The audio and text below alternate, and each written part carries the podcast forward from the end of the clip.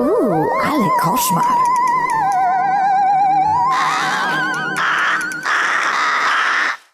Jej! Cześć! Cześć. Uuu, trzeci odcinek. Tu Zuza i Milena. Witamy Was w naszym trzecim odcinku. Wow, trzeci tydzień. No, Niesamowite. że się nie poddałyśmy po pierwszym, to jest cud. No, to prawda. Szczególnie przy tej naszej zas, y, gro, dużej, e, przytłaczająco dużej liczbie słuchaczy i followersów. Na razie chyba słuchają nas tylko nasze mamy, mój brat, mój tata nawet nie słuchał, ale miał rady. Nie słuchał i miał rady. tak.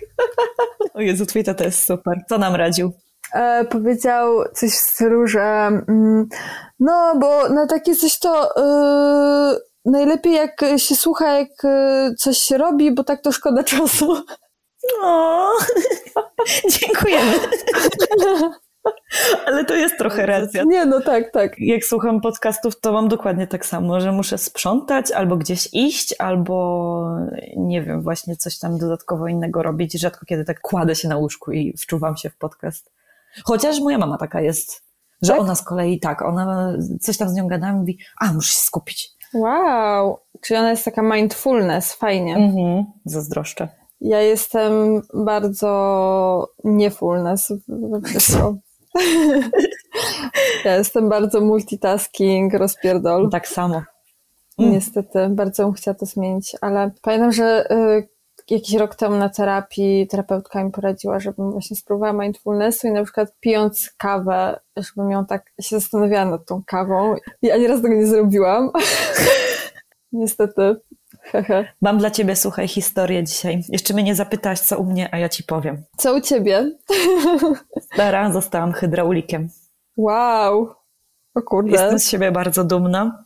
Chciałaś mieć praktyczny, praktyczny zawód i znalazłaś. Tak, wreszcie, wreszcie mi się odnalazłam swoje powołanie. Grzebanie w rurach to jest to. Nie, ale popsuł nam się, zatkał nam się zlew. I miałam taką ambicję, że wiesz, no bo zawsze to typy robią, nie? Myślę, no chuja, nie? Ja to zrobię sama. I pojechałyśmy z matką do Obi, kupiłyśmy syfon i słuchaj, zrobiłam to. Dobra, z małą pomocą mojego ojca, ale muszę tylko zaznaczyć, że to było tak, że dzwonię do ojca i mówię, tato, ten syfon już prawie zmontowałam, tylko mi się wydaje, że ja muszę rury przyciąć brzeszczotem, bo one są za długie. O to, to nie, nie, nie, nie wolno tych rur przyczy- przycinać, to ty na pewno źle coś tam zrobiłaś. Ja mówię, tak, no to przyjdź i mi pokaż, jak to zrobić. I słuchaj, stara przyszedł, patrzy na te rury i mówi, no przyciąć trzeba, nie? Także tak mi ojciec pomógł. No, więc uważam, mimo wszystko uważam, że zrobiłam to sama jednak. A, no widzisz, czyli po prostu chciała mieć w tym jakiś e, wkład w tę rurę. Tak, on powiedział, nie no, bez doświadczenia to takiego syfonu to nie zmontujesz, nie? A co? E, zrobiłam, zrobiłam, zmontowałam. Spryciarz.pl Tak, spryciarz.pl. Woda leci. Yeah. Nie no, to super. To jest ekstra w ogóle takie mm, potrafienie zrobić sobie coś w domu e, jest ekstra. Pamiętam, że jak zepsuła mi się w którymś mieszkaniu, znaczy ja myślałam, że mi się zepsuła pralka i właśnie za- zadzwoniłam po hydraulika, bo zaczęło mi coś tam cieknąć i ten hydraulik przyjechał, skasował mi dwie stówy i wymienił tylko ten wężyk. Ja nie. byłam taka... Mhm. I wtedy sobie też trochę przysięgłam, że będę próbować sama rozwiązywać problemy mieszkaniowe. To co u ciebie, Milena? Co u ciebie? Um, mi troszkę smutno było wczoraj, gdyż mój tata pojechał na statek. A nie O spędzaliśmy nie. tyle czasu ze sobą od jakichś 10 lat. Wow. Gdyż e, no, jestem teraz w domu pierwszy raz tak na dłużej od e, przez tą pandemię. E, Jakby jesteśmy tutaj na, na jakiś czas i no i pierwszy raz po prostu jestem tak długo z rodzicami od, od, od no właśnie jakichś 10 lat, od, odkąd byłam w liceum. I w sumie myślałam, że się pozabijamy po pierwszym tygodniu, a jest naprawdę spoko, więc szoker trochę. I no i tyle w sumie. A gdzie twój tata wypłynął? O, bo może info dla słuchaczy, tata Mileny jest bossmanem. Tak? Tak. Dobrze powiedziałam? Dobrze. Dokładnie. Jest bosmanem, ale nie ma wcale drewnianej nogi ani papugi na ramieniu. A szkoda. No, nawet nie ma tatuażu. E, wiesz co, teraz jest w Szczecinie jeszcze, na razie, więc jeszcze nie wypłynął. E, mieli płynąć do Stanów, ale nie jestem pewna. A, jeszcze z tragedii, które mnie spotkały, z koszmarów, które mnie spotkały e, w tym tygodniu to było wydanie jednej trzeciej pensji na dentystę. Nie będę mówić, ile to było, bo y, zaczniecie słuchać nas z litości, więc pozostawmy to bez komentarza. Chcesz jeszcze coś powiedzieć? Coś, coś jeszcze... Y... Nie, jestem bardzo usatysfakcjonowana moją historią o syfonie i twoją historią o zębach i wypływaniu na morze. Także tak. myślę, że możemy 10... przejść tak. skali Bufor Buforta? No. Buforta czy Boforta? Sky Boforta. Jak byliśmy dziećmi, to y, mój tata miał taką płytę szant i słuchali, tam akurat nie było dziesięciu skali Buforta, ale było pełno innych piosenek szant. Jak kiedyś do mnie przyjedziesz, to ci puszczę. O Jezu, jestem tak bardzo za. Musisz kiedyś przyjechać na weekend. W sumie jak teraz jesteś na taki trochę kwarantanny, nie u mamy, to może wracając byś zahaczyła. No, czemu nie? No pewnie. W sumie. Na przykład w przyszły weekend. Czy to za długo będzie? To się zgadamy, bo nie wiem, czy moja matka ze mną tyle wytrzyma, stara. To ja i tak jestem na wiesz. Ja mam tu podbijaną karteczkę, wejściówki, wyjściówki. Za każdym razem, jak się karteczka skończy, to jadę do Krakowa. Nie ma żartów. Mm. No tak. Dobra, tam zobaczymy. Zobaczymy. Ale może się uda. Kurde, fajnie by było. No. Okej. Okay. No dobrze. Więc Zuza, opowiem Ci historię o Michaelu Maloju, mhm. zwanym również irlandzkim Rasputinem. Aż bym zaśpiewała, e, jak oni się nazywali? Ci co? E... No, no, Rasputin, ty, ty, ty, love machine. Nie mam pojęcia, kto to śpiewał. No co ty, taki zespół z lat 80. Nie wiem, Abba? Nie, stara, nie. Y, nie um. Abba. Boniem, o, Boniem. Boniem, a okej. Okay. No dobra.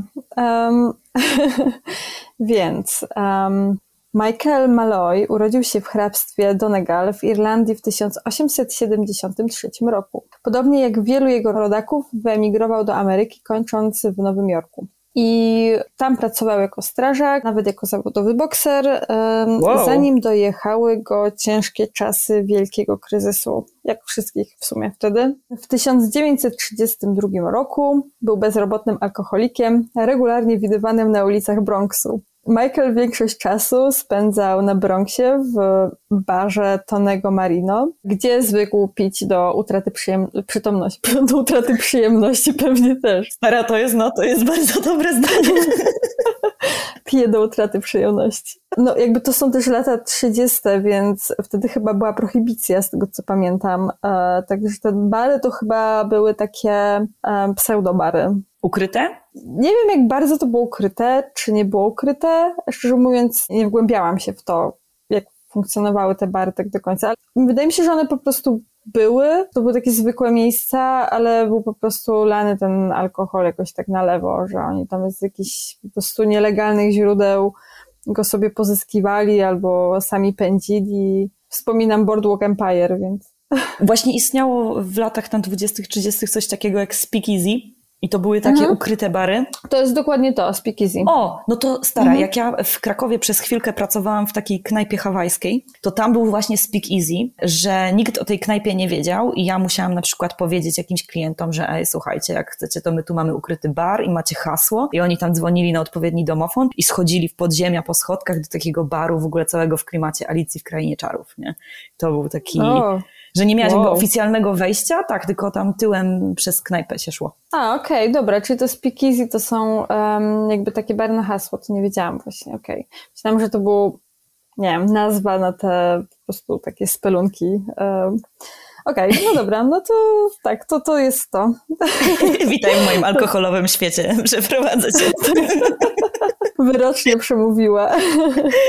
Okej, okay, um, no więc tam Michael większość czasu sobie właśnie spędzał w tym speakeasy Tonego Marino, gdzie zwykł pić do utraty przyjemności i przytomności.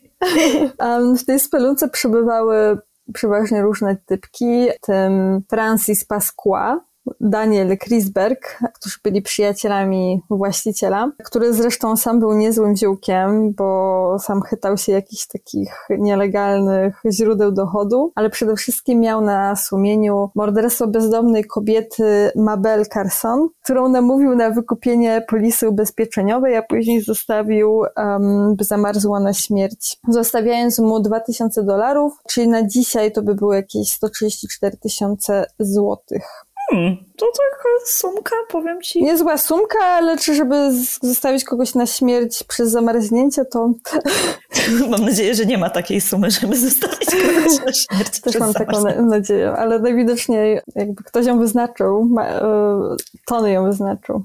O Majku Maloju niewiele było wiadomo. Nie miał ani przyjaciół, e, ani rodziny. Poza tymi typkami, których spotykał codziennie w barze, no to w zasadzie nie wiadomo, żeby miał jakieś bliskie osoby. Nawet do końca nie wiedzieli, ile on ma lat. Teraz chyba wiemy, ale generalnie. Ale to był taki bardziej.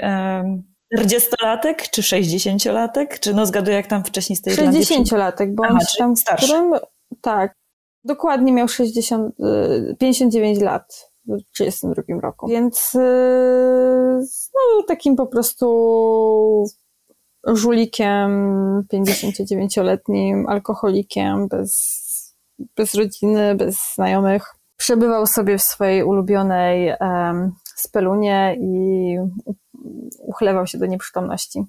Pewnego popołudnia 1932 roku, było to latem, Malloy pił jak zwykle, a Marino i jego dwaj przyjaciele Francis Pasqua i Daniel Krisberg, obserwując Majka, wpadli na pomysł, żeby wykorzystać jego kiepską sytuację życiową i zły stan zdrowia. Szybko utworzyli sekretne mordercze porozumienie, które składało się z Tonego Marino, właściciela baru, barmana Reda Murphy'ego, Francisa Pasqua, właściciela zakładu pogrzebowego, Daniela Krisberga, i drobnych kryminalistów takich jak John McNeil, e, Edward e, Cynowe Ucho Smith, Twardy Tony Bas... Twardy Tony!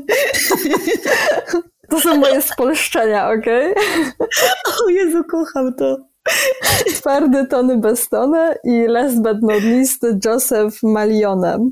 No i tak, rzeczywiście z pomocą e, skorumpowanego agenta ubezpieczeniowego, banda, której przewodził Tony Marino, namówiła Maloja do wykupienia polisy ubezpieczeniowej. Przyszłym zadaniem Marfiego, tego barmana, byłoby zidentyfikowanie zmarłego Maloja jako jego najbliższego krewnego, e, Nicolasa Meloriego, hmm. fikcyjnej osoby z trzema polisami ubezpieczeniowymi na życie, z których każda oferowała podwójne odszkodowanie. W ogóle nie wiem, co to znaczy, ale okej. Okay. Znaczy, żeby wyciągnąć co, jak najwięcej, najwięcej hajsu i w ogóle nie podejrzany. Nie no, ogóle jakby. Jakiś żulik zachlewający się w knajpie ma trzy polisy. Trzy polisy na podwójne odszkodowanie. Oh god. Okej, okay, bardzo cenił swoje życie najwidoczniej. E, poza tym, że się zachlewał do nieprzytomności i w ogóle śpiewał. E, więc gdyby ten plan się powiódł, to każdy członek morderczej spółki otrzymałby swoją część z 3,5 tysiąca dolarów, e, na które ubezpieczyli Maloja. Dzisiaj to byłoby jakieś 62 tysiące dolarów.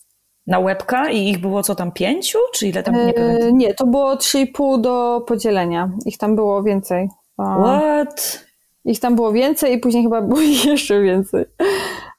Generalnie lol.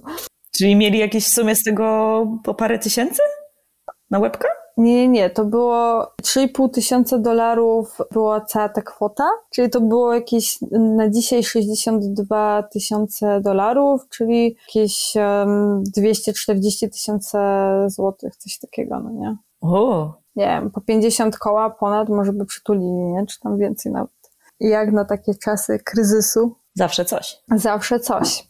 No i przekonanie Maloja do podpisania trzech polis ubezpieczeniowych nie było jakimś wielkim wyzwaniem, bo wystarczyło po prostu podsuwać mu alkohol pod twarz e, i on podpisywał wszystko, co mu się tam po prostu dało do podpisania, bo był szczęśliwy, że pije za darmo. A jak już mieli podpisane te polisy, no to już w zasadzie uśmiercenie go wydawało się być tylko formalnością. No i okej, okay. plan był taki, żeby serwować Malojowi tyle alkoholu, aż zapije się na śmierć. Marino lał mu kieliszek za kieliszkiem, podobno lał mu kieliszek za kieliszkiem, aż rozbolała go ręka od trzymania butelki. No bo on mu tak po prostu podsuwał, no nie? Że jakby lał, ten wypijał i on mu lał kolejny kieliszek. Czy on butelki z ręki w ogóle nie wyciągał i ja pierdzielę. Tak, tak, on po prostu jakby no lał mu to, no nie? Tak jak w jakimś, nie wiem, westernie, no nie? No, ale Maloj był niewzruszony. Podobno jego oddech nawet pozostał równy, a skóra nie zmieniła koloru. W końcu wytarł twarz w rękaw, podziękował za gościnę i zapowiedział, że wkrótce powróci. Następnego dnia powrócił, oczywiście, po 24 godzinach i następnego i następnego. I oni za każdym razem mu tak lali? I oni za każdym razem lali mu aż e, Marino cierpła ręka. Trzeciego dnia wkroczył do baru z okrzykiem Och, czyż nie jestem spragniony? Ochoczo zaparł się za boki i krzyknął. no i po tym czasie mm, Marino zaczął podkręcać jego drinki, bo już trochę był wkurzony. E, jakby tym, że no, zwykłe lanie whisky nic nie dawało. Stara, stara, on musiał mieć jakąś polską krew w sobie. Wiem, że był on z Irlandii. Wiem, że był z Irlandii, ale nie, nie, nie. Ewidentnie miał coś z Polaka.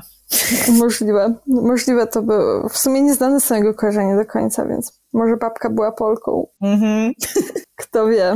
Babka Polka, dziadek... Rusek i się wyprowadzili do Irlandii. Okej, okay, więc w pewnym momencie już nawet y, zaczęli podawać mu terpentynę, maść końską z trutką na szczury. Nie wiem, czym jest maść końska, ale brzmi obrzydliwie. No. Aż w końcu y, Murphy wpadł na nowe, bardziej subtelne rozwiązanie, by zamienić whisky i gin na kieliszki alkoholu metylowego. Czysty alkohol metylowy?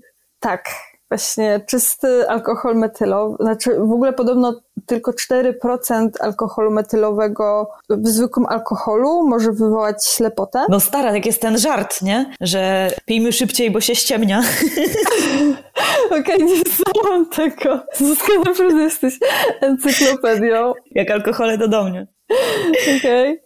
Tak, no i nawet e, jakby do samego 1929 roku w Stanach ponad 50 tysięcy ludzi zmarło z powodu zanieczyszczonego alkoholu. No ale oni nie podawali mu zanieczyszczonych e, szotów, tylko oni mu po prostu lali szoty tego alkoholu metylowego. A Malloy, e, niczego nie zauważywszy, wypił cały zapas, który kupili w pobliskiej lakierni. Lakierni, aha, okej. Okay. Podobno gdzieś tam czytałam, że jest y, tak, że jak się pije jakiś zwykły alkohol, to on jakby działa jak antidotum. Well, I'm not a doctor. Czyli przez to, że mu lali czysty tak naprawdę, to pomagało jakby... Nie, nie, nie. nie. Czysty powinien go totalnie zabić. Myślę, A. że przy pierwszym kieliszku, ale podobno to mógł być albo jakiejś niskiej jakości ten alkohol metylowy, ale też podobno jak ten zwykły alkohol, bo oni mu najpierw lali whisky, żeby jakby się nie szczaił, jak już był podpity, no to zaczynali mu lać ten metylowy, więc no nie wiem. W każdym razie noc za nocą scena się powtarzała, a Malloy pił kieliszkami alkohol metylowy, który lał mu Murphy, aż do nocy, kiedy bez ostrzeżenia spadł na podłogę. W tym momencie banda zamilkła i wpatrując się w. Czekaj, Milena, czekaj, bo zamówiłam no. tutaj y, kelnerkę do mojego pokoju po wino. Cześć, mamo. Zamówiłam dolewkę, żeby się nie odrywać. Nice. Przy tej historii nie da się nie pić. Nie da się. Ja sama piję browarek, bo well, muszę być w klimacie. No, dokładnie. Dużo mama nalej. Tego nie możesz wyciąć. Dobra, to zostawię. Co? Porówno? I tyle zostało? Jak Boga kocham. No, no dobra. No nie wiem, te butelki są jakieś mniejsze. Mówiłam, żeby wziąć dwa. Nie. No dobra, jestem gotowa. Okej. Okay. Dobra. Pewnej nocy w końcu Maloj bez ostrzeżenia upadł na podłogę. E, cała banda osłupiała. Paskła ukląkł przy ciele Maloja i próbował wyczuć mu tętno, przykładając ucho do ust. Oddech mężczyzny był powolny i ciężki, więc postanowili poczekać, obserwując powolne unoszenie się i opadanie jego klatki piersiowej. Aż po chwili rozległ się długi, nierówny oddech, a potem Maloj zaczął chrapać. Kilka godzin później obudził się, przetarł oczy i powiedział: Daj mi trochę tego starego, regularnego chłopcza.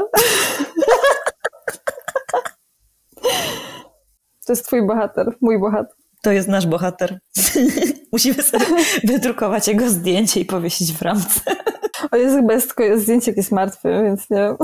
Dobrze, więc um, twardy Tony w końcu zaproponował, by zadziałać nieco y, brutalniejszymi środkami, ale Pasqua miał nieco inny pomysł. W tym momencie nasza szajka była już dosyć um, zdenerwowana, więc postanowili zatruć jego jedzenie. Podali mu ostrygi marynowane przez kilka dni w denaturacie. Po kolei Mhm. Moje ulubione.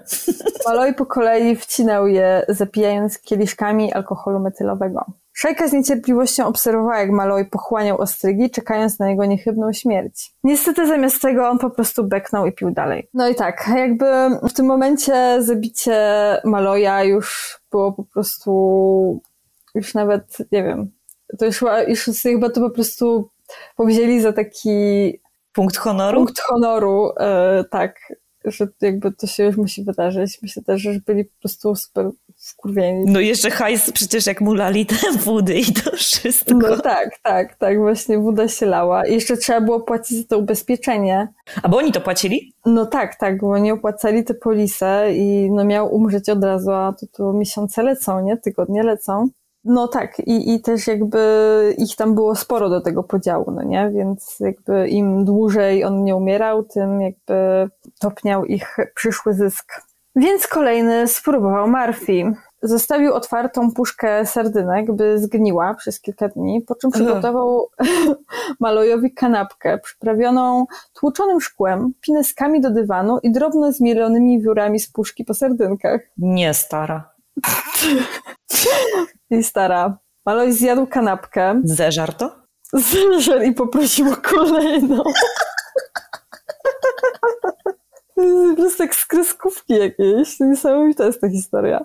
At this point gang już był totalnie zdesperowany. E, No i dzięki tym składkom ubezpieczeniowym, kosztom whisky, innych alkoholi, e, no to już po prostu to było super kosztowne przedsięwzięcie. Dobrze, że denaturat jest tani. No i aż y, już w końcu nastała zima. Jak zaczęłam tę historię, to było lato. I wtedy Ma- Marino przypomniał sobie swój sukces z Mabel Carls- Carlson, y, tą kobietą, którą też jakby oszukał na to ubezpieczenie i, i zostawił y, na śmierć na mrozie. I zasugerował, aby zrobili to samo Malojowi. Reszta bandy się zgodziła. Em, no i którejś pijackiej nocy, dzień jak co dzień, wieczór jak wieczór, Tony Marino i banda zabrali zalanego w trupa Maloja do pokrytego śniegiem Crotona Park, który znajdował się około pół mili od e, baru. Wyrzucili go na ławkę w parku, rozerwali mu ubranie i obrali go pięcia, pięcioma litrami wody na tym mrozie. Co? Tak. O oh, fuck. No. Następnego dnia Marino znalazł Maloja w piwnicy swojego baru. Podobno przekonał Murphy'ego, żeby go wpuścił, a sam Maloj narzekał tylko na niewielki chłód. Stara 5 litrów wody na mrozie. Pierwszy mors. The morse was born. Sorki, łyczek piwka. Jak przystało na tę historię. Dokładnie. Tu się nie da nie pić. Ja się też y, sposiłkuję proseczkiem. Posiłkuj się, bo lecimy dalej. No więc tak, e, w tym momencie mamy już ze sobą wiele prób morderstw na cztery różne sposoby. Mieliśmy sposób e, na zachlanie, mieliśmy sposób na zatrute jedzenie, mieliśmy e, sposób na zamarznięcie i... i co jeszcze? A, i jeszcze na ten alkohol metylowy. Wow. Tak, na, w sensie na w ogóle różne jakby trucizny, no nie? No i tak, e, piątym sposobem, który już był chyba takim ostatecznością, do której Michael swoją wytrwałością i swoją nieświadomością przede wszystkim, bo ja swoją drogą to są jego koledzy, no nie? Już jakby w tym momencie, no bo oni jakby w sensie on przychodzi codziennie do tego typa do baru i pije jakby na jego koszt, więc... To się robi coraz gorsze. To jest tak, oni są coraz bardziej wkurwieni, a on jest coraz bardziej na zasadzie wow, wow, Tony, my friend! Polej mi tu starego, dobrego, regularnego. Pijemy. No tak, więc y, już próbowali na te wszystkie sposoby, a Malloy ani o centymetr nie zbliżył się do śmierci, więc postanowili przejść do trochę brutalniejszej metody. No i też już jakby na tym etapie chyba coraz więcej osób jakby w tej okolicy w ogóle wiedziało o tym, no powinni się trochę o tym słyszeć, w sensie jakby myślę, że nie dało się chyba o tym jakoś tam nie wiedzieć. I zwerbowali nową osobę, osobę, którą był taksówkarz Hershey Green. W środku nocy wywieźli pijanego Maloja i umieścili e, na środku drogi. Zadaniem Greena, tego taksówkarza, było potrącenie zalane, zalanego e, w trupa Maloja, ale kiedy samochód pędził w jego stronę, jakimś cudem udało mu się opamiętać i odskoczyć na bok. Co więcej, udało mu się uniknąć drugi raz potrącenia przez taksówkę. Co? Za trzecim razem udało się go potrącić co więcej, taksówka wycofała przyjeżdżając po nim, a na wszelki wypadek jeszcze y, Green stanął jakby nad nim i cały gang wyszedł i sprawdził, stanęli nad nim, żeby przekonać się, że na pewno nie żyje, ale spłoszył ich przejeżdżający samochód, więc jakby wyglądał na martwego, ale jakby też tak 100% nie dało się tego stwierdzić. Po tym incydencie y, Murphy, y, barman, który miał za zadanie udawać tego krewnego, Nicolasa Meloriego, zaczął wyzwaniać do kostnic i szpitali w nadziei, że usłyszy o śmierci Majka. No ale Majka ani widu, ani słychu. Gazety też nie wspominały o żadnym potrąconym typie. No i pięć dni później, kiedy Pasqua planował już zabicie innego anonimowego pijaka, jakiegokolwiek, a, bo tak świetnie im wyszło za pierwszym razem, że trzeba było kombinować kolejne. Nie, trzeba było się odbić. Tak, trzeba było się odbić. Oni po prostu myśleli, że go zabili, on gdzieś przepadł, no nie wiem. Więc po prostu chcieli a chyba zabić kogokolwiek, żeby ten, tego planu jakby dopełnić, no nie? Że, żeby podać jakby nazwisko i, i zgarnąć to ubezpieczenie. I wtem drzwi baru otwierają się. Nie. I kulając wchodzi nikt inny jak Michael Malloy. Nie, nie. Wyglądający tylko trochę gorzej niż zwykle. Wchodząc, krzyknął: Umarłbym za drinka. Oni na to właśnie czekamy. No i oprócz pękniętej czaszki i złamanego ramienia, to był w dobrym nastroju. Jedyne co pamiętał to smak whisky, chłodny powiew nocnego powietrza i blask pędzących świateł. Potem Cherry. Następną rzeczą, e, jak się zorientował, było już to, że obudził się w ciepłym łóżku w szpitalu Fortham i chciał tylko wrócić do baru. Swoją drogą, trochę mnie to łapie za serce, bo ten bar już po prostu w tym momencie jest trochę jego domem. I jakby oni są jego rodziną. I no i tak, ponieważ należało zapłacić lutową składkę ubezpieczeniową, zaczęli już nawet rozważać zatrudnienie profesjonalnego płatnego zabójcy, no ale to było um, już jakby zbyt drogie, więc um, no nie zrobili tego. Ale 21 lutego 1933 roku gang Tonego Marino w końcu uśmiercił Majka Maloja, aka Rasputin, Stara, jak to zrobili? W kamienicy włożyli mu do ust e, koniec, e, jeden koniec gumowej rurki e, od latarki gazowej i ciasno owinęli mu twarz ręcznikiem. Jezu, okropne. No i po prostu otruli go tlenkiem węgla. O Jezu, to jest masakra, bo jeszcze uchlać kogoś na śmierć, to rozumiem. O nie, to straszne na maksa. No już jakby po prostu wzięli sprawy w swoje ręce, że tak powiem, dosłownie. O. I już go uśmiercili, no już go jakby tak uśmiercili. Na śmierć. Na śmierć go uśmiercili. Chociaż jak to czytałam, to, to byłam taka, nie no, niemożliwe, zaraz wyskoczy. Znowu wstanie. No ja miałem ostatnio kaszel, ale już mi przeszło. tak. Polej mi tu. O, o, straszne, ciężkie to powietrze na tym Bronxie. Ale nie. Niestety nasz przyjaciel Mike Malloy jest oficjalnie dead w tym momencie. Hmm. Nieuczciwy lekarz, przyjaciel Pasqua, sporządził akt zgonu e, na Nicolasa Meloriego. Koniec końców otrzymali tylko 800 dolarów wypłaty z Metropolitan Life Insurance, a potem wszystko zaczęło się psuć, kiedy próbowali zebrać pieniądze z ubezpieczenia od Prudential Life Insurance. Aby uzasadni- uzasadnić roszczenia, agenci ubezpieczeniowi Prudential chcieli zobaczyć zwłoki, ale kiedy Pasqua powiedział, że ciało zostało już pochowane, firma ubezpieczeniowa wyzwała władzę. No i w maju 1933 roku ekskumowano zwłoki Maloja. Fałszywy, fałszywy akt zgonu stwierdzał, że zmarł na zapalenie płuc, co jakby zostało zweryfikowane przez sekcję zwłok, że niestety było to morderstwo. Green, taksówkarz owy, który przyjechał po Maloju wstecz, nie był zadowolony ze swojego udziału, więc zaczął, zaczął sypać. No tak, jak, jak masz tylu typów, no to sorry. No, miało być 3,5 kafla y, minus miliard wydatków, a tutaj jest tylko 800, y, no więc jest to różnica jednak. Spora. No i tak, policja odkryła, że bezdomna kobieta, która zmarła zeszłej zimy, w tych podejrzanych okolicznościach i której jedynym be- beneficjentem był Marino, no że było coś z tym nie tak. Następnie w sprawie twardego Tonego, Mój faworyt.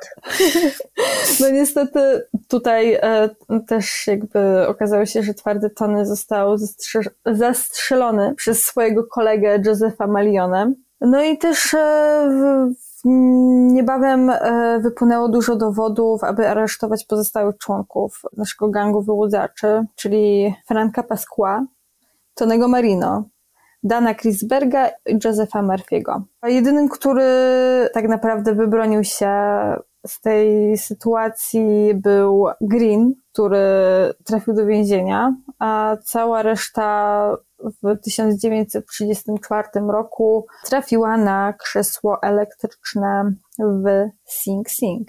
No, co za, za pierwszym razem poszło stara? Tak, udało się um, zabawnie za pierwszym razem.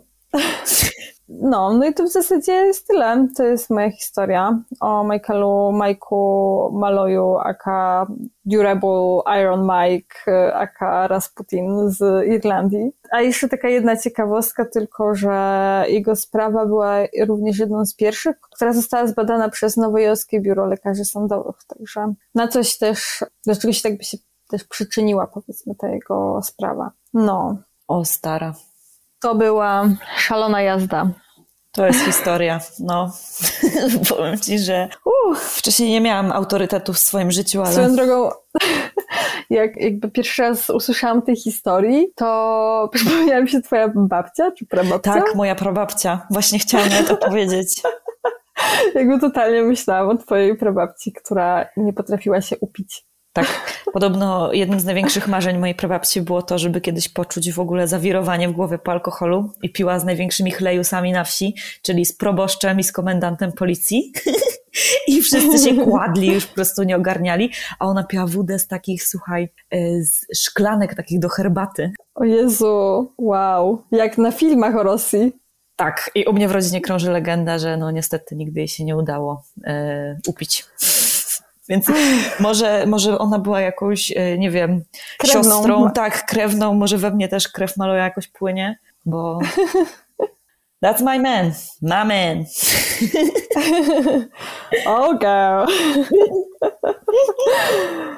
O, wspaniała jest ta historia. Muszę przyznać, że ja w ogóle uwielbiam te takie stare historie o amerykańskich morderstwach, bo one są takie raz, że trochę odległe, jest w nich dużo takich w sumie zabawnych faktów. Jakby no, morderstwo nie jest oczywiście niczym zabawnym i to jest oczywiście tragiczna historia, ale najbardziej niesamowite dla mnie jest to, że on się jakby nie szczaił przez ten cały czas. Że w ogóle on tej takiej swojej naiwności wierzył, że oni rzeczywiście prostu, no nie wiem, leją mu za darmo to alkohol, jakby go lubią, czy co. Trzeba się zawsze zastanowić, jak ktoś ci stawia winko. No, teraz już tak, teraz słuchajcie, nie ma niczego za darmo w świecie. Jeśli ktoś Mm-mm. stawia wam darmowe szoty, zastanówcie się, czy nie wykupił polisu ubezpieczeniowej na wasze nazwisko. Czy nie podpisaliście czegoś wczoraj? Hmm. O Jezu, kocham tę historię. Kocham. Mhm. Kocham. This shit is great. No. To co? Okej, to co mi opowiesz? Dawaj. Będzie strasznie? Będzie strasznie i wydaje mi się, że moje ostatnie dwie historie nie były takie mega straszne, a ta dla mnie, powiem ci, że no jest. Dla mnie ta jest naprawdę straszna i nawet jak robiłam research, tak, dokładnie, jak robiłam research stara, to momentami miałam takie yy. Eee. Nawet nie wszystkie źródła byłam w stanie zobaczyć i przesłuchać tak, jak chciałam, bo mnie scringe'owały. No, Czy to będzie Lalori Mansion? nie, to nie będzie Lalori Mansion, aczkolwiek kiedyś mam nadzieję, że zrobię Lalori Mansion, ale to jest e, gruba sprawa, więc może to będzie odcinek z większą liczbą, z jedynką chociaż z przodu przynajmniej. Nice. No dobra, to lecimy z koksem. I am ready. You ready? Zapinam pasy. Ja, I am not ready, ale let's do it. Opowiem Ci dzisiaj historię o Sally House, The Sally House i nie wiem, w sumie nie wiem jak o tym mówić, czy mówić dom Sally, czy Sally House? Trudno w ogóle jest trochę czasami z tymi rzeczami, które mają jakby... To jest jej dom? Czy to jest dom Sali, czy to jest nazwa domu? Nazwa jest The Sally House, Aha, czyli okej. jeżeli się bawimy w tłumaczenia, to mamy dom Sally, Mhm. Ale właśnie z tymi źródłami, które dużo historii, których szukam, które szukam, wyszukuję, mm, jest wszystko tylko po angielsku i ja się bawię w tłumaczenie tych rzeczy też. I czasami się boję, że mi wyjdą takie potworki, jak wiesz, polskie tłumaczenia filmów na przykład. Nie? Tego się obawiam trochę. Tak, tak. No ale dobra, jak twardy Tony dał radę, to dom Sali też da radę. Więc nie wiem, może mówmy Sally House, jednak brzmi to jakoś, po angielsku wszystko brzmi lepiej. W każdym razie, Sally House został wybudowany w 1876 roku i znajduje się w Atchison w stanie Kansas. Jest taki dwupoziomowy domek, wygląda w sumie całkiem cute i takim domkiem, gdyby nie to, co się tam dzieje, to pewnie bym nie pogardziła. Wybudowany został dla rodziny Finney. Oficjalnie tam były udokumentowane tylko cztery zgony. Mówię tylko, bo jakby w tych naszych ostatnich historiach było dużo tego więcej. I te cztery zgony to jest Michael Finney, Richard Finney, Agnes Finney True i William True. Mhm. I tak, tutaj właśnie nie mogłam się trochę w tym odnaleźć. Czy doktor Charles Finney to jest Richard, czy Richard to jest Charles? Nie jestem pewna. Szukałam tego, ale nie znalazłam. Okej. W każdym razie, był tam w tym domu doktor Charles Finney i on prowadził praktyki lekarskie. Bo to było chyba częste w tamtych latach. To znaczy, że wiesz, mieszkałaś na przykład na parterze i piętrze razem z rodziną, a w piwnicy miałaś swoją, nie wiem, przychodnię, miejsce, w którym przeprowadzałaś zabiegi, operacje, no i ogólnie Jezu, tam... już widzę, do czego to zmierza. To nie idzie w dobrą stronę. Już to czuję. Hmm, klinika w domu, w piwnicy. Hmm. Tak. I tam przyjmował tych swoich pacjentów wszystkich. Mhm. Na zawsze ich przyjmował. Właśnie nie, właśnie słuchaj. Idzie to w tę stronę, że jest tutaj jedna taka najbardziej znana historia z Sally House. Jest to historia małej dziewczynki. Niektóre źródła podają, że miała ona na imię Sally, ale tak naprawdę nie jest to nigdzie udokumentowane. Oficjalnie nie jest to imię znane do końca. I pewnego wieczoru do drzwi lekarza przyszła matka właśnie z tą bardzo chorą dziewczynką, córeczką swoją, która się wiła z bólu. Doktor ją przyjął do gabinetu i to nie był właśnie jakiś creepy doktor, tylko był normalnym po prostu doktorem. Po tym jak ją zbadał, stwierdził, że ma zapalenie wyrostka robaczkowego i trzeba to natychmiast operować, żeby uratować jej życie. Nie? Więc wziął się od razu do roboty. Jak chodzi o sam przebieg operacji, to są tutaj różne wersje. W jednej z tych wersji jest powiedziane, że nie było czasu na podanie środków znieczulających. W innej wersji jest tak, że te środki podał, ale musiał zacząć operację, zanim one zaczęły działać. O matko. On nie był świadomy tego, że one nie działają i że dziewczynka wszystko czuje. O mój Boże. No właśnie, niestety w obu tych wersjach ona była przytomna podczas operacji i w obu wersjach niestety zmarła na stole z powodu utraty Fuck. krwi i doznanego szoku. I po śmierci doktora, tego Charlesa, on był ostatnim właśnie z, z, z tej rodziny Finneyów, e, ten dom przechodził z rąk do rąk, jednak żaden z Mhm. lokatorów tam, czy tych rodzin, które się wprowadzały, one nigdy nie zostawały na długo. Podobno właśnie przez różne aktywności paranormalne, które miały miejsce w tym domu. Mhm. I jedna z rodzin, która tam mieszkała przez chwilę, no bo wszyscy tam mieszkali przez chwilę tylko, miała córeczkę w wieku 6 lat, która upierała się, że ma taką niewidzialną e, przyjaciółkę właśnie o imieniu Sali. Mm. Sali Spektra. Sali Spektra, kocham! Ja też miałam taką przyjaciółkę, jak byłam dzieckiem. I ale co, miałaś taką wymyśloną przyjaciółkę? Nie, no, żartuję. Uwierzyłam ci. tak, miała, miała 60 lat, wielkie rude wielką rudą czuprynę. I, I małe imperium. Małe imperium. I razem piłyśmy Chardonnay i knułyśmy. Ona by wjechała w nasz klimat. W Sali Spektra totalnie. Sali Spectra for life. Ale właśnie ta mała, ta, ta, ta córeczka tej rodziny, zawsze jak coś tam zbroiła, czy coś rozwaliła, no to mówiła, że to zrobiła Sali, albo że ta Sali ją do tego zmusiła. No oczywiście rodzice, wiesz, olali ten temat, no bo wiadomo, że dzieci jak coś popsują, to jak się da na kogoś to zwalić, no to zwalą. No i taki mały wstępik i teraz się przenosimy do 31 grudnia 1992 roku, więc już byłyśmy na świecie nawet. Wow. I wtedy do tego domu wprowadza się małżeństwo. Tony i Debra Pickman. Tony. Drugi Tony. Twarde tony, miękka Debra, nie wiem. Y, I Debra była wtedy w ciąży. Mm. Przez pierwsze dwa tygodnie, jak się wprowadzili, no to nie zauważyli nic tam jakiegoś nietypowego w domu. E, Też byli zajęci tam rozpakowywaniem. E, Wiadomo. No wiadomo, jak to jest. Jednak już w styczniu zaczęli zauważać jakieś takie małe, nietypowe nie wiem, zdarzenia, które jednak zawsze sobie potrafili logicznie wytłumaczyć, wyjaśnić. Nie? No, nie przejmowali się tym za bardzo, bo to były rzeczy Milena typu, nie wiem, światło się samo zapala i gasi gdzieś tam w domu. Obrazki jakoś są inaczej, inaczej powieszone, nie? Ale generalnie takie pierdoły.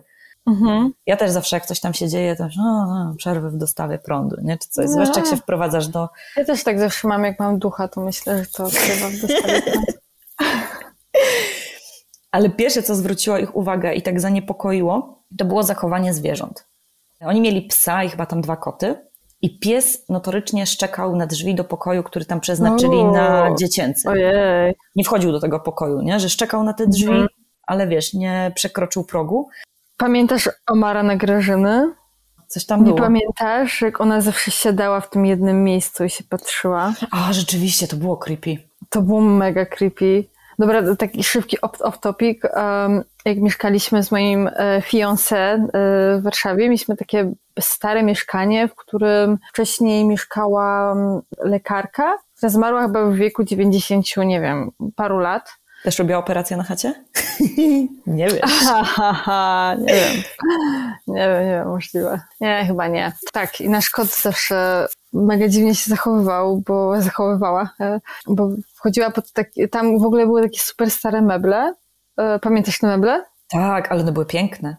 Tak, były takie bardzo ładne, drewniane komody i przede wszystkim było takie wielkie, gigantyczne, narożne, rzeźbione lustro. I nasz kot zawsze się tam wchodził pod to lustro i patrzył w jeden punkt. To było takie super creepy. Nie pamiętasz tego? Pamiętam, teraz pamiętam. Mhm. Mega creepy. No. Tu właśnie też te ich koty na przykład siadały, patrzyły na nich, tak jakby nad ich głowami patrzyły i e, tam ta Debra, bo No to ona tak samo robiła właśnie. właśnie czytałam wywiad z tą Debrą i ona widziała po prostu jak oczy tych kotów, wiesz, tak się przesuwają, jakby coś śledziły. O Jezu. Uuu. Ale tam nic nie było, nie? Bo oni, wiesz, sprawdzali i Mhm. nic nie ma. U nas mogły być karaluchy. To akurat chyba mieście? Warszawa. No. I sporo też rzeczy w tym domu, takich dziwnych, które się działy, były związane z ek- elektrycznością. Na przykład mikrofalówka piszczała tak jakby, wiesz, skończyła tam grzanie, mimo tego, że nikt nic nie wstawiał, nie wyciągał. No wiesz, y, i oni wzywali elektryka, żeby sprawdził, co się dzieje. I elektryk zawsze mówił to samo, na zasadzie, że wiesz, no wszystkie kable są ok, wszystko jest w najlepszym porządku, nie ma tutaj co naprawiać, no wszystko powinno działać. I nie wiem, no strona bym się też nie przejęła czymś takim do końca, nie? No, no nie jest coś, co ci przeszkadza też w życiu jakoś, nie? Że tam coś pi- zapiszczy. I kiedy Debra urodziła swojego synka, to też jedną z takich dziwnych rzeczy było to, że nieważne, czy on był tam najedzony, przewinięty, wiesz, zadbany, zawsze się budził kilka razy w nocy, ale budził się tak, że to było prawie co godzinę. W sumie nie wiem, co ile się to niemowlaki budzą. E, Wiem, że tam pewnie raz czy dwa razy do nocy się budzą, ale to było tak ponad normę. Mhm. Ale już na maksa creepy było to, że z dziecięcego pokoju było słychać, jak ktoś się z tym dzieckiem bawi. O fuck, ale jak, jak było słychać? Głos czyjś? Takie piki, piki, piki.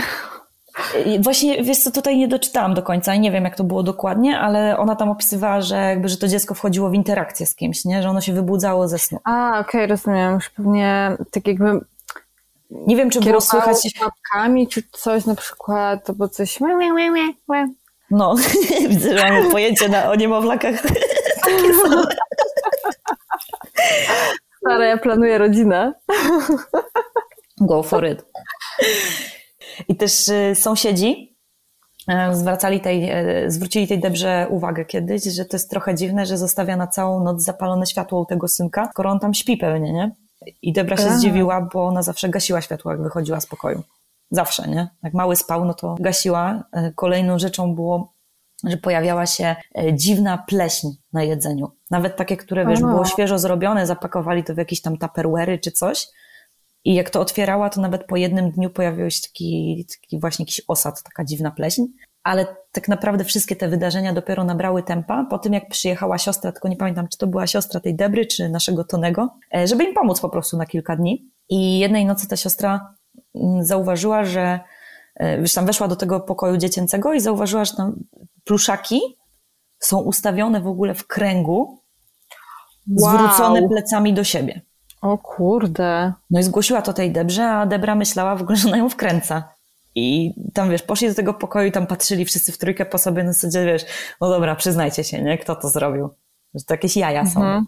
No ale niestety nie były to jaja, ponieważ nie wiem, czy to była ta sama noc, czy kolejna, ale w każdym razie te pluszaki na ich oczach zaczęły na przykład spadać z jakiegoś tam fotela, z krzesła, czy się przemieszczać. I jak to miało miejsce, no to stwierdzili, że dobra, miarka się przebrała. I wychodzą z tej chaty, przynajmniej e, na noc chociaż, nie? Zaczęli się pakować i w trakcie tego pakowania Tony poczuł na plecach takie ukucie, jakby go urządliła pszczoła. O kurczę. No, uciekli do tego, do domu matki Tonego, no i Debra tam mówi, no dobra, no to pokaż tam te plecy, co ci się stało. No i okazało się, że on miał na tych plecach trzy zadrapania, takie jakby po pazurach. Wow. I w ogóle są zdjęcia tego w necie. I jakby ja pracuję jako charakteryzatorka czasami i moim zdaniem wyglądają na prawdziwe. Tak serio. Lech. Mhm. W ogóle cały, jak chodzi ogólnie o to Sally House, to cały ten dom jest i te wydarzenia tam paranormalne są mega dobrze udokumentowane, więc jeżeli ktoś ma ochotę y, się pokringować trochę, to Wow, serio, oglądałaś, oglądałaś te rzeczy? niektóre tak, a niektórych szczerze powiedziawszy nawet nie byłam w stanie, bo Co się bałaś? no trochę się bałam. Najgorsze jak są te EVP, nie? Te, na- e, o, możemy razem pooglądać, kiedyś ja się sama też boję. ale to tylko z tobą stara, bo włączyłam jedno Nie, i, tam, e, Jezus. i tam właśnie ten paranormal investigator mówi, że okej, zostawiam tutaj e, EVP, zostawiam sprzęt do nagrywania, jeżeli tutaj coś jest, macie tu 5 minut, ja zamykam drzwi i możecie nagrać co chcecie. I pierwsze kurwa 15 sekund stara to jest taki ryk z piekła rodem. A, Jezu, aż mam cerki. No, ja musiałam to od razu włączyć. Nie, nie, nie, nie, nie, nie, nie, nie, nie, nie, oh my nie. No, ale mimo wszystko wrócili do domu. E, ja nie wiem, ja na pewno nie wróciła, bo bym wróciła z egzorcystą, bo bym wystawiła na Oeliksie tę chatę. Nie wiem. Dokładnie. W sensie, no dobra, z drugiej strony kłam, że ktoś ma jakiś Ale kredyt stara, wielki. nie, oni jej nie kupili, oni ją wynajmowali właśnie, to jest, wiesz...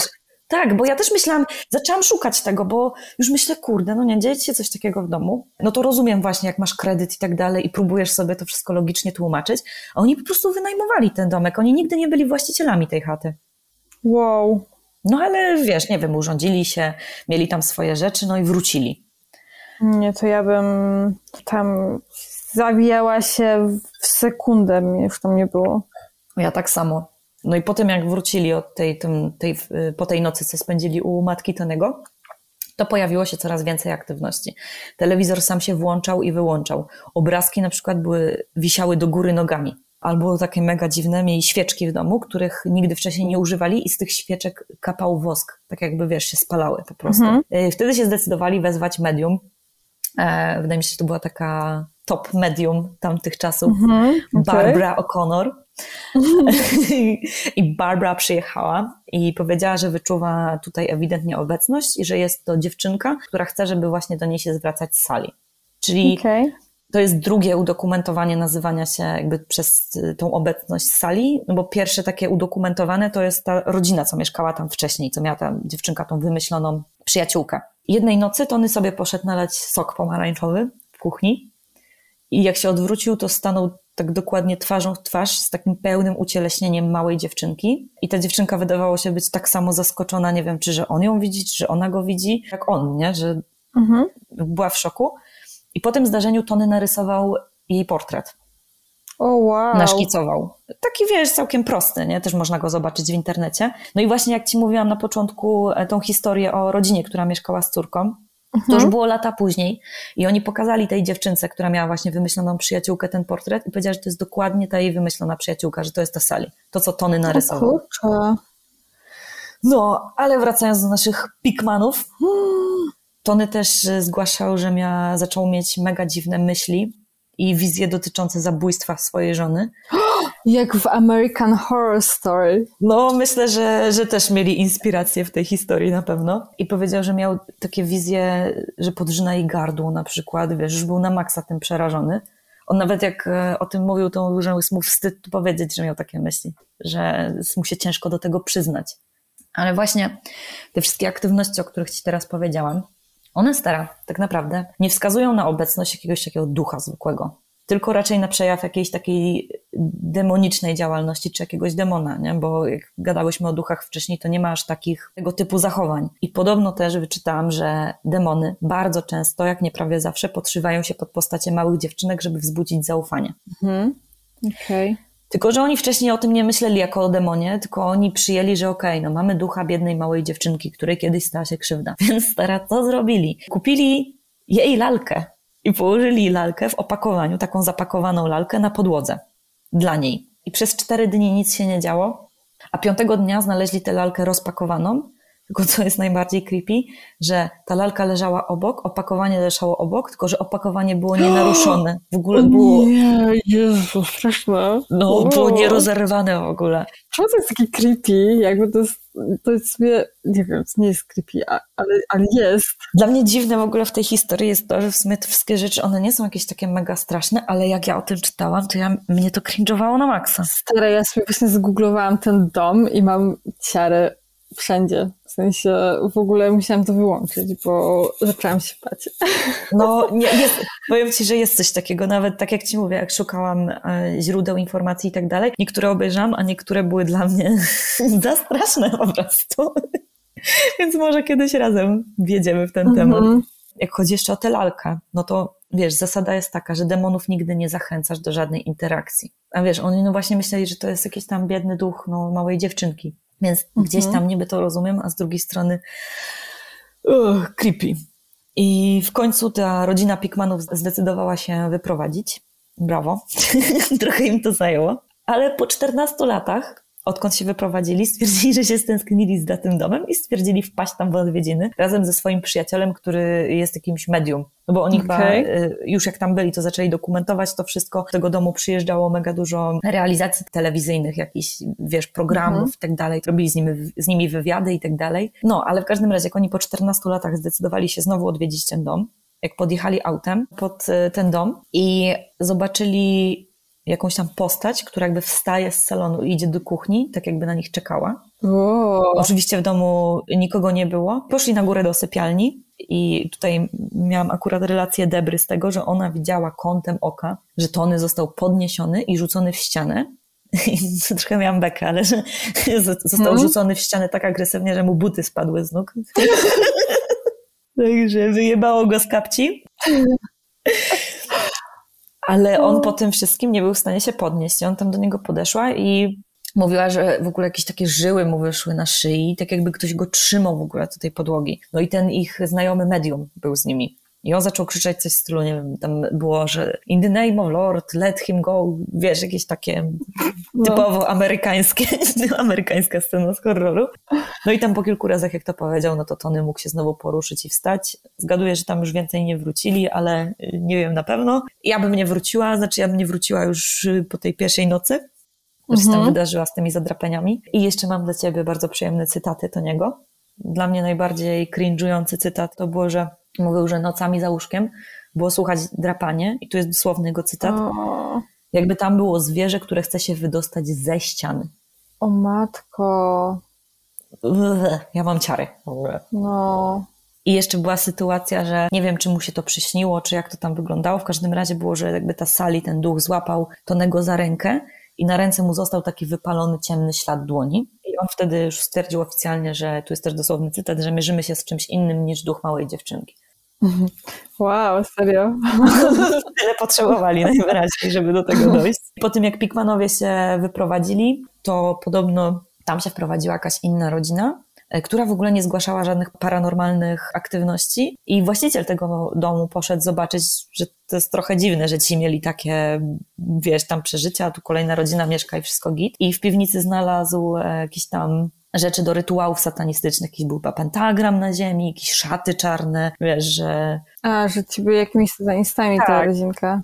Prowadzili dlatego, że wiedzieli o tym, co się tam dzieje i chcieli to wykorzystać. Tam też była jakaś e, ściana wyburzona w piwnicy, która podobno jest jakimś przejściem też do innego świata. Nie wiem. Eee, to wszystko jest creepy. No, ale ja jestem takim, ja nie wiem jak siebie nazwać, półsceptykiem, to znaczy ja wierzę w energię, wierzę, że coś zostaje i tak dalej, ale też wierzę w ludzi, którzy lubią, wiesz, Nie no, temat na maksa, jak się da. Więc do tych rytuałów satanistycznych i przejścia do piekła w piwnicy jestem sceptycznie nastawiona.